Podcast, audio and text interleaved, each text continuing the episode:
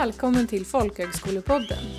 Här reflekterar vi kring aktuella frågor för folkhögskolorna och vi strävar efter att vara konkreta i hur man kan utveckla och skapa förändring. Samtalsledare är Anna Sjödin och Ingeberg Olafsson.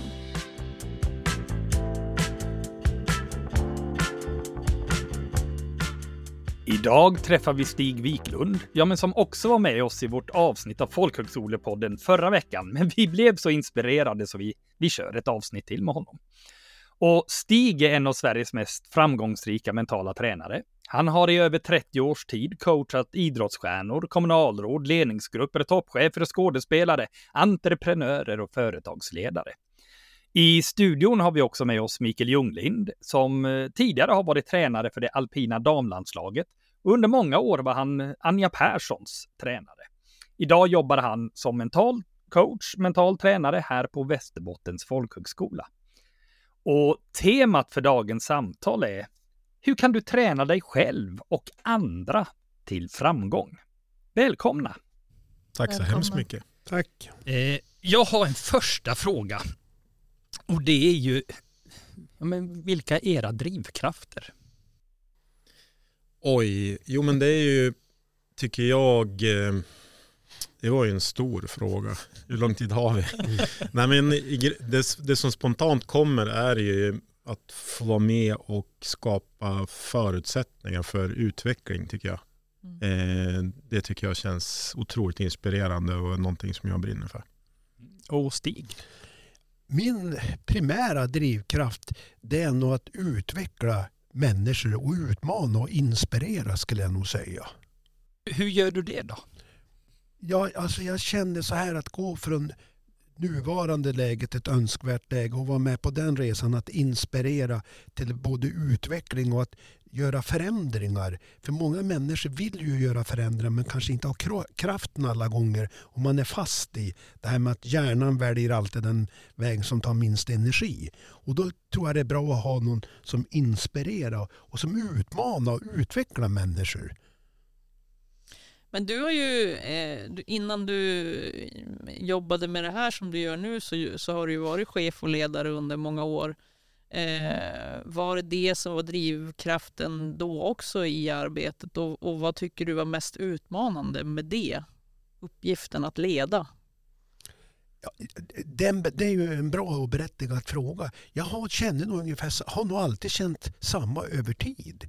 Det här, alltså att både, både i utmana, inspirera, utveckla människor. Ända sedan jag ja, så, så länge jag kan minnas så har det här varit så otroligt intressant för mig. Och det känner jag mig fullständigt sann precis nu som jag var då. Sen har man ju under resan kanske gjort misstag och man kanske har ibland varit för entusiastisk och för, för inspirerande. Men det får man ju hantera någonstans och träna sig i det. Nu är det väl mera så att man ser sanningen i vitögat på ett annat sätt än man gjorde tidigare.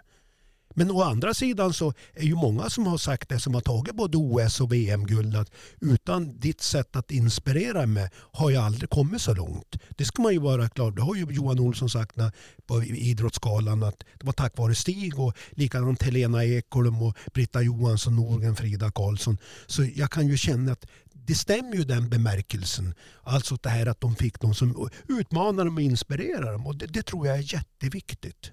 Men om man fokuserar på just ledarskapsfrågan och din erfarenhet av det, vad, vad, vad, skulle du säga är liksom kärnan om man vill jobba med sin egen utveckling och självledarskap kopplat till att leda andra? Jag skulle nog idag rekommendera ledare att ha en mental tränare eller en coach. Någon du fick bolla med. Det jo, hade inte jag. Det är någonting som jag känt jag skulle haft stort behov av. Eller stort behov ska jag inte säga. Men som har kunnat gjort mig bättre. Och kanske mått bättre också. Nu har jag aldrig mått dåligt så. Men jag, jag tror väldigt mycket på det här. Ungefär som, väst, som ni jobbar på Västerbottens folkhögskola. Jag har ju varit med ett antal gånger. Ta någon utifrån som inspirerar, som utmanar, som vill väl och vill utveckla.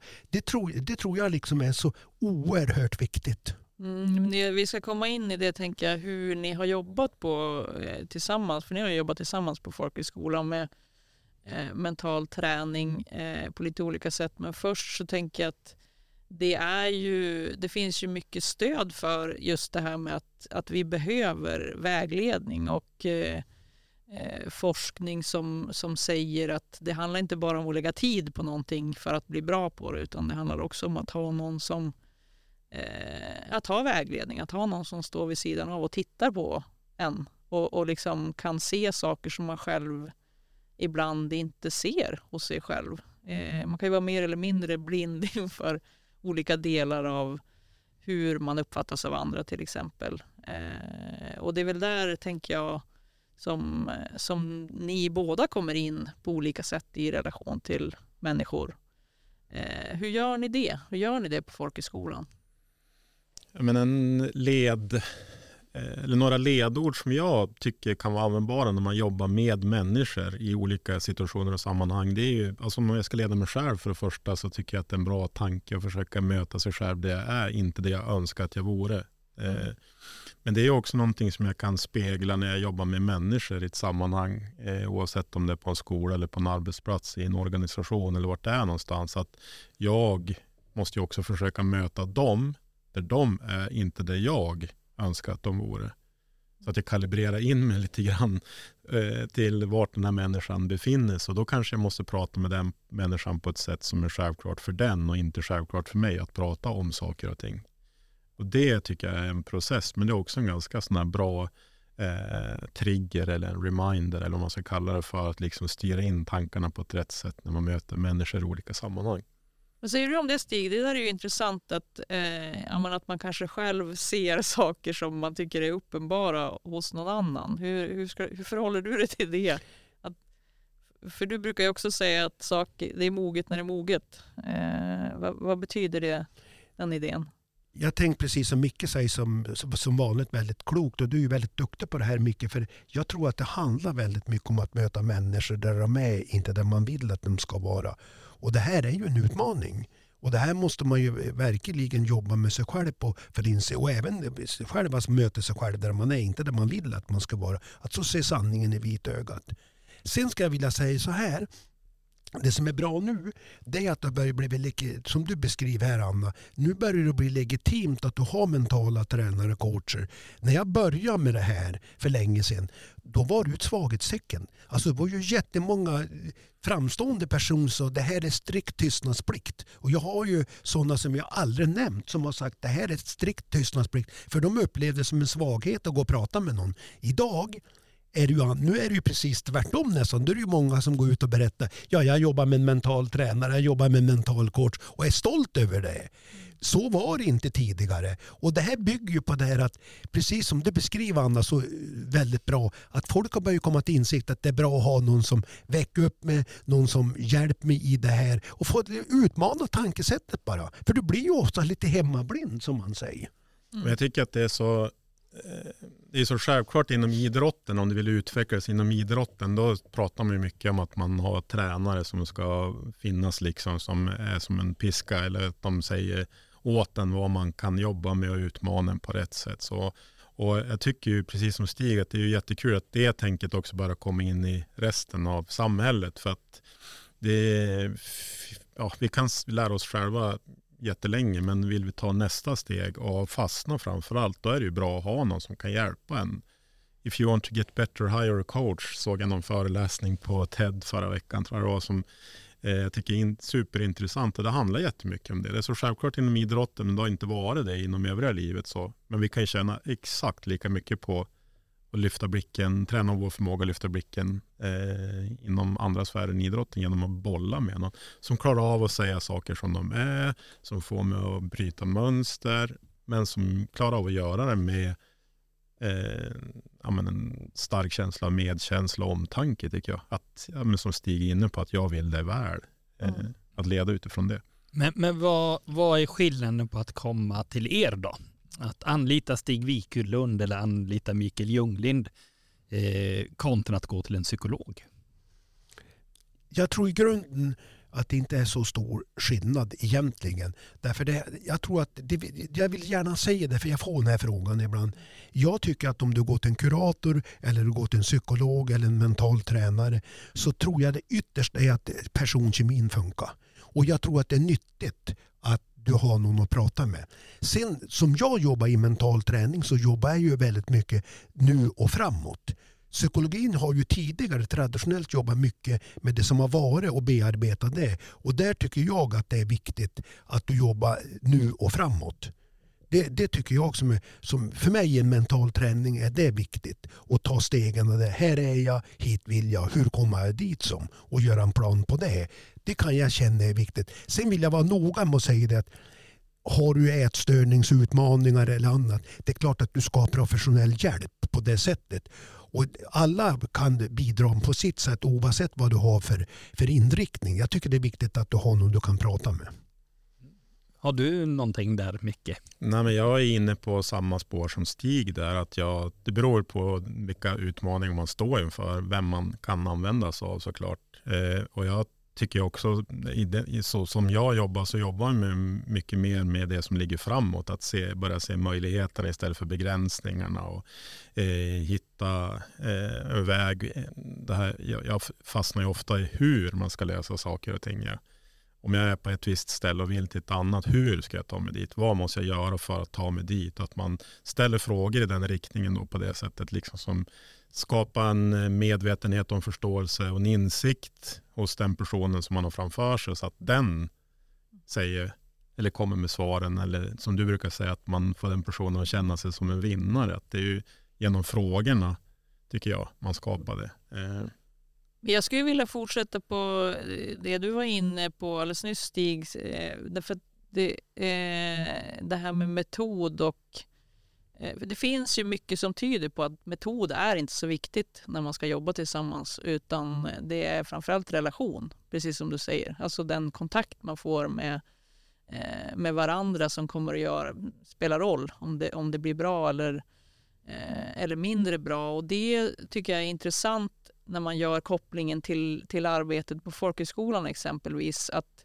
för det innebär ju att alla kan vara viktiga. Det är inte bara kuratorn eller eh, eh den mentala tränaren som kan ha den funktionen i relation till deltagarna utan det kan ju då i, egentligen vem som helst ha eh, om det handlar framförallt om relation så att säga och då blir, ju, då, då blir det intressant att gå in i det här. Hur har ni jobbat med? För ni har ju träffat många medarbetare. Du har jobbat med grupper eh, på Västerbottens folkhögskola. Eh, hur har det arbetet sett ut och hur tänker du runt den här kopplingen liksom, till deltagarna? Först ska jag väl säga det att nu apropå det här med relationer. Har inte jag då träffat Micke och dig Anna då så har jag nog, jag har ju, jag väljer ju vilka uppdrag man, jag har ju den privilegiumet. Men jag tycker det är fantastiskt kul att jobba med Västerbottens folkhögskola. Alltså det är en av mina absoluta favoriter och därför så, så ställer jag allt upp. Jag tycker det är så himla roligt och det bygger precis på det du säger Anna, en bra relation. En respekt för varandra, jag känner att jag är sedd, jag är bekräftad och då blir det ju så att det är roligt. Och vi har ju mycket samtal du och jag Micke mellan gångerna i, kring olika sådana här företeelser och det tycker jag är så viktigt. Sen till själva huvudfrågan då Hanna så kan jag tänka så här att jag tror att det vi har jobbat mycket det är ju att bli din egen bästa coach. Alltså det här att kunna träna det med självmedkänsla. Hur gör jag själv om jag har jobbigt? Det är svårt att leda andra om du har jobbigt. Då måste du få verktyg. Så har vi ju då jobbat lite mycket med att då skapa och ge verktyg som kan vara viktiga för när det blir lite tuffare. Kan det finnas en rädsla eh, att, att man inte räcker till i förhållande till andra? Kan ni uppfatta det?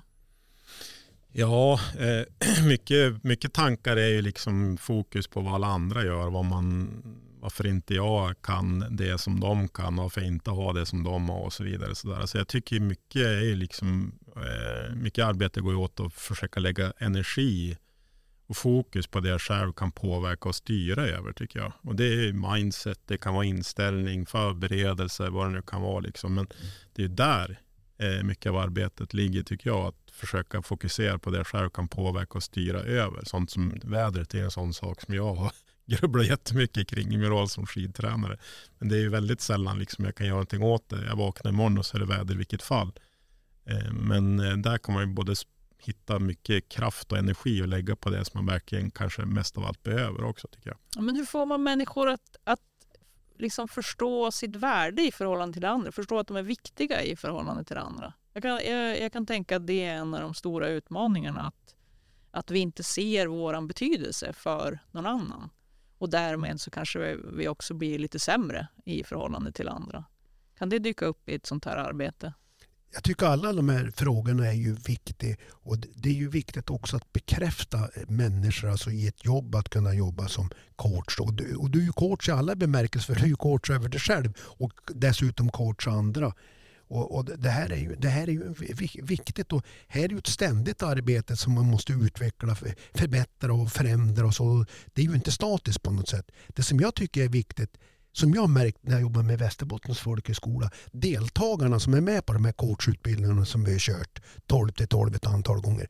Det man ser glädjen och energin i deltagarna, det, det är ju det som jag tycker är så fantastiskt. Att de får den här möjligheten.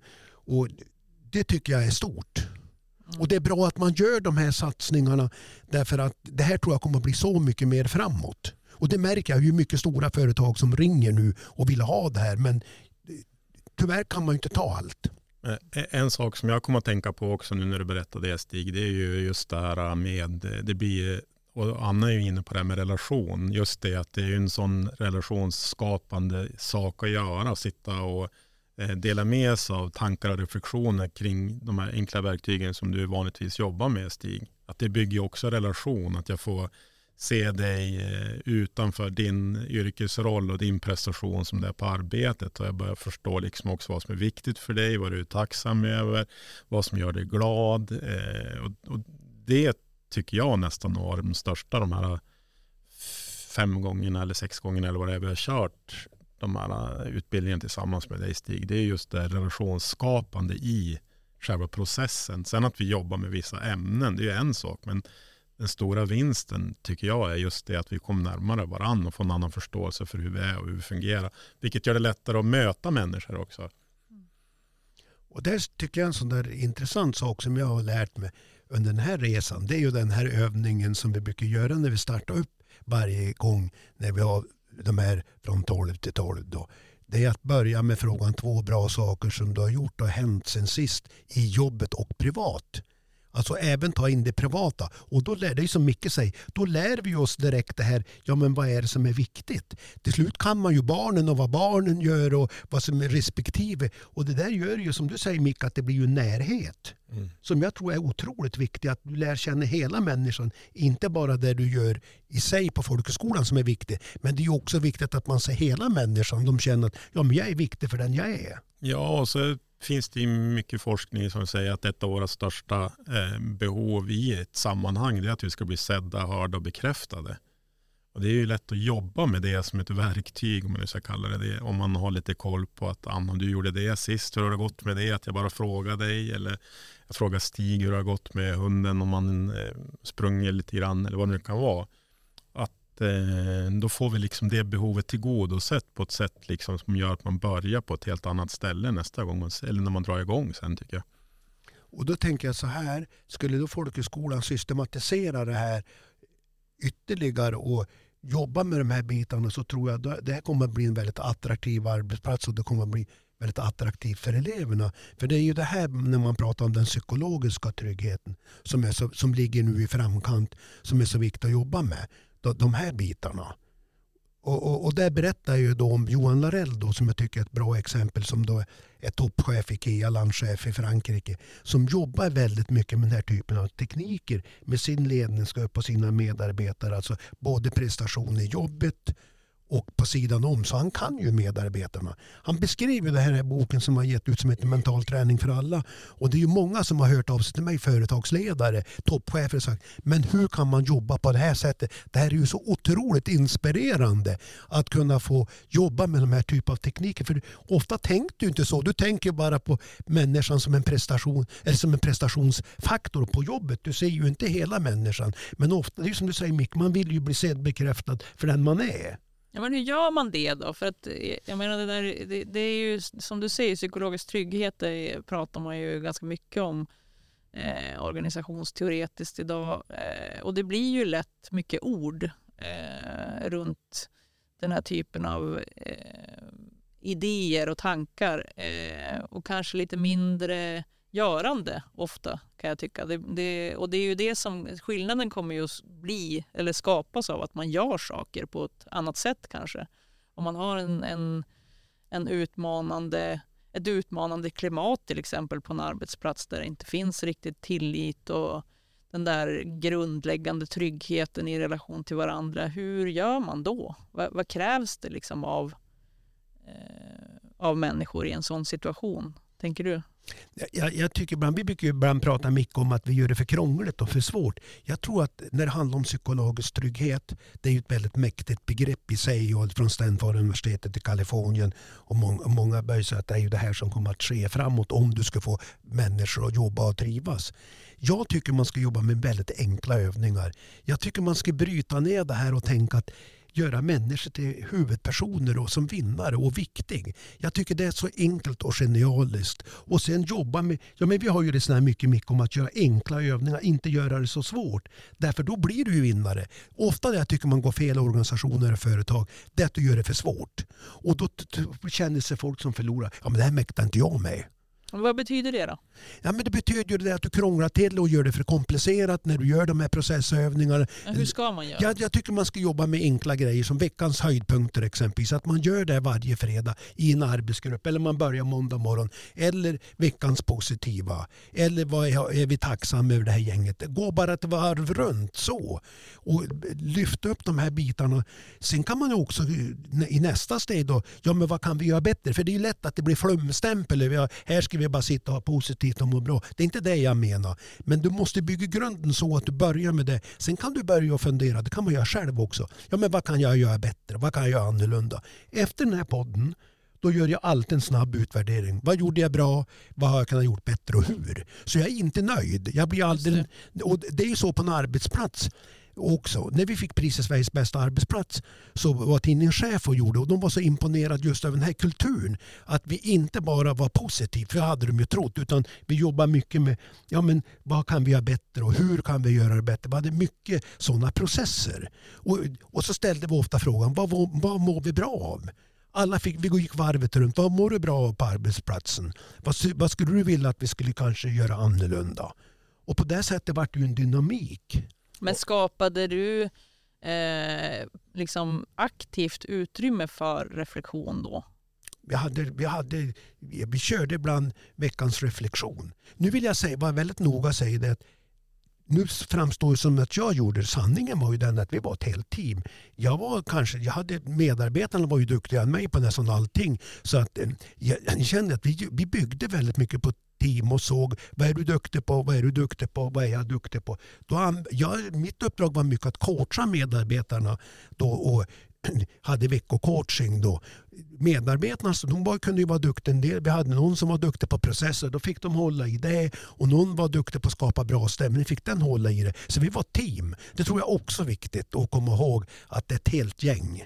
Jag tror ju just bara som en liten inflik där med vad har gjort bra, vad kan jag göra bättre och hur. Det skapar en rörelse.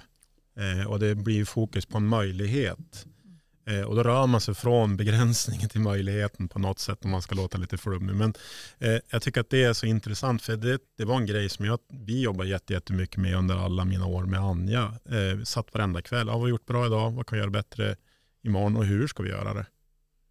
Och det, man behöver inte bli 100% bättre till nästa dag, men blir man en liten, liten, liten del bättre i någonting litet så det i slutändan är det ju summan av allting du gör som spelar roll. Och det viktigaste är att man gör. Och just den frågeställningen leder ju till ett görande tycker jag, för man börjar liksom fokusera på huret. Ja just det, idag lärde vi oss det här och imorgon ska jag jobba med det. Man blir peppad, man får lite inspiration, man får energi och motivation och liksom jobba mot att få lite bättre förutsättningar och möjligheter att lösa den situationen och det sammanhanget på ett bättre sätt nästa gång jag hamnar i det tycker jag. Mm. Jo, men jag är ju nyfiken på eh, ännu ett perspektiv här. Eh, det här är ju ändå Folkhögskolepodden och eh, vi berättar ju lite här hur vi jobbar på Västerbottens folkhögskola. Men någon gång så kom det ju en idé på att vi skulle jobba med mental coachning. Att vi skulle jobba med mental träning på Västerbottens folkhögskola. Och där är det ju faktiskt du, Anna, som är chef för Västerbottens folkhögskola. Hur hamnade du i liksom ett beslut eller ett tankar på att det här var någonting som en folkhögskola skulle jobba med? Ja men eh, jag, jag, jag tänker att det handlar om en idé om att vi alla bär eller bygger någonting tillsammans i en verksamhet och att det, det räcker inte med eh, att någon eller några drar i en positiv utveckling utan det behövs liksom eh, att det stora flertalet bidrar på olika sätt. Eh, och jag har ju själv haft mycket nytta av ehm, det är väl lite en generationsfråga, tänker jag, det där perspektivet att man kan välja sina tankar. Och jag hade ju en, fick ju en insikt om det eh, ganska sent, liksom, att, att det behöver inte vara... Eh, ja, men jag, jag, styr över det här själv. Och jag tänker att det är ju en ganska, det är ganska, kraft, det är en ganska kraftfull insikt och jag tror väldigt mycket på det, att jobba med det. Eh, och jag tror att det blir... Eh, att vi, vi kan liksom om människor mår bra och har det bra så kommer de också bidra eh, på ett mycket tydligare sätt till hur det blir för deltagarna på vår folkhögskola. Så det är väl, den, det är väl ett, en idé om att, att, att det behövs ett myller där människor, liksom, många människor bidrar till en positiv utveckling. Och jag tror att eh, jag menar, framtidens arbetsmarknad kommer i väldigt hög utsträckning att handla om att vi behöver vara väldigt bra på att vara människor. Hela människor som bidrar med liksom hela vår kapacitet. Man kan inte skilja på, den, eh, på att, man, att man är på olika sätt vid olika tillfällen utan vi är liksom personer. Eh, och jag tror att det är det för mycket av det andra, det kommer, det, kommer att fin- det kommer att lösas på ett annat sätt så att säga. Det finns AI och det finns Eh, vi kommer inte att behöva göra saker som vi har gjort fram till idag på samma sätt utan vi behöver bli väldigt bra på att våga titta på oss själva och att bidra med våra egna personer. Eh, så att, ja, det finns väl många aspekter på det men, men, men det är väl eh, en tanke skulle jag säga. Ja, men om, om någon från någon annan folkhögskola sitter och lyssnar på den här podden, och det vet vi att de gör, eh, har du någonting, och det, den frågan gäller ju till Micke och till Stig också såklart, eh, någonting att säga för att de ska köra igång med ett arbete med mental träning, mental coachning? Ja, men jag håller ju med om, eh, jag, jag, tror jättemycket på det ni redan har sagt, att det, eh, man ska ta ner och göra det enkelt. Och jag, jag tänker att vi har ju fått uppleva det, både du och jag Ingeberg, det här med hur svårt det kan vara att svara på rätt så enkla frågor om vad som har varit bra sista veckan till exempel. När man börjar, innan man har gjort det och tränat sig på det så, så tenderar vi ju, och så, så upplever jag i alla fall, att, att man gör det så stort. Det ska liksom vara så himla stora bra grejer som man har gjort. Eh, men eh, när jag har fått träna mig på det över tid så så blir det ju de här små sakerna, eh, det vardagliga som, liksom, eh, som, som blir väldigt positivt. Och det tror jag det är väldigt kraftfullt liksom, att göra det, att inte krångla till det så mycket utan att göra det enkelt. Och vad, vad säger du Stig till dem som funderar? Jag tror att det är så här att det här ligger i tiden på något sätt och kommer att bli så framåt. Och, och, och då tycker jag Anna har ett väldigt bra resonemang. Och jag tror att man kan börja i det enkla för det är så lätt att det blir så storvulet. Jag tänker bara så här, det kan ju ibland bara räcka som en ja, men, eh, tankeväckare, en föreläsning eller att man börjar fundera kring det här som gör att man kommer igång med ett enkelt arbete som gör att både personal och elever kan må bättre och utvecklas. Jag tror inte man ska börja göra det så himla stort. Sen har ju alla olika förutsättningar för att kunna göra det. Och du då Micke? Jag tänker att det handlar så lite om eh, det vi gör och det handlar i grunden om det vi är och det är vi allihopa människor i grund och botten och vi funkar på många gånger väldigt liknande sätt också. Vi har, eh, som vi har nämnt lite grann här med självkritik, det kan vara tankar kring eh, ens person och vad man kan och inte kan och allting sånt. Och det spelar ingen roll om man är rektor, Eh, kommunikatör, mental tränare, idrottare eller kanske rent av läser på en folkhögskola. Så de utmaningarna står vi, de är ganska gemensamma oftast tycker jag. Och det visar ju liksom också att det är relevant att jobba med oavsett vad man gör. Mm. Ja, men jag tror att man måste, man måste våga börja eh, och ta ett steg i en riktning. Och i det, där blir ju, tror jag, eh, ledarskapet viktigt. Allas ledarskap, självledarskapet. Att, att liksom kanske ta, gå ett steg lite längre än vad man har gjort tidigare i relation till andra. Och med det menar jag att vi behöver liksom träna oss på att dela med oss av det som finns, finns i oss och, och kanske framförallt det som är det här eh, vi har väldigt mycket nytta av att dela med oss av det som är det svåra, alltså det som är misstagen, det som är skammen, det som är liksom det jobbiga, de jobbiga känslorna. Men det går man inte rakt in i i en, i en arbetsgrupp till exempel, utan man måste ju göra det stegvis. Eh, det är ju som en lök, man tar sig längre och längre inåt i lager genom att prata med varandra. Och då, jag tror att det, det ni båda tar upp är det, det, spelar egentligen ingen roll vilka frågor det är, bara det handlar om att, att, att man börjar titta på sig själv och, och träna sig på att dela med sig lite mer av hur, hur man har det, hur det känns.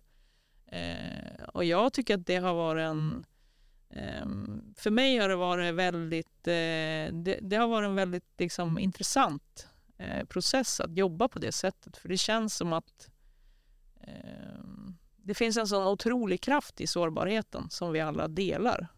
Vi ska inte bosätta oss i sårbarheten, men vi kan gå dit och hämta kraft ibland tillsammans för att vi delar så mycket av det som är svårt och det som är kanske det man skäms över som sagt och, och eh, när det inte blir bra. Eh, att, för egentligen kan man ju säga att det finns ju, inte, det finns ju inte så mycket lärande i framgång. Lärandet finns ju i miss, misstagen och misslyckandena. Eller hur Stig? Ja men absolut. Jag tycker det finns lärande både i motgång och framgång och misslyckande och lyckande. Och, och konsten är väl egentligen att reflektera kring det hela. Ja, men jag tänker att vi avslutar eh, med de orden och eh, det har varit jättespännande att få, få ta del av era tankar. Jag tror att eh, ja, men det finns, jag upplever att det finns väldigt mycket nyfikenhet runt det här så att vi är väldigt glada över att ni båda har tagit er tid. Tack ska ni ha. Tack ska ni ha. Tack själv. Tack själva.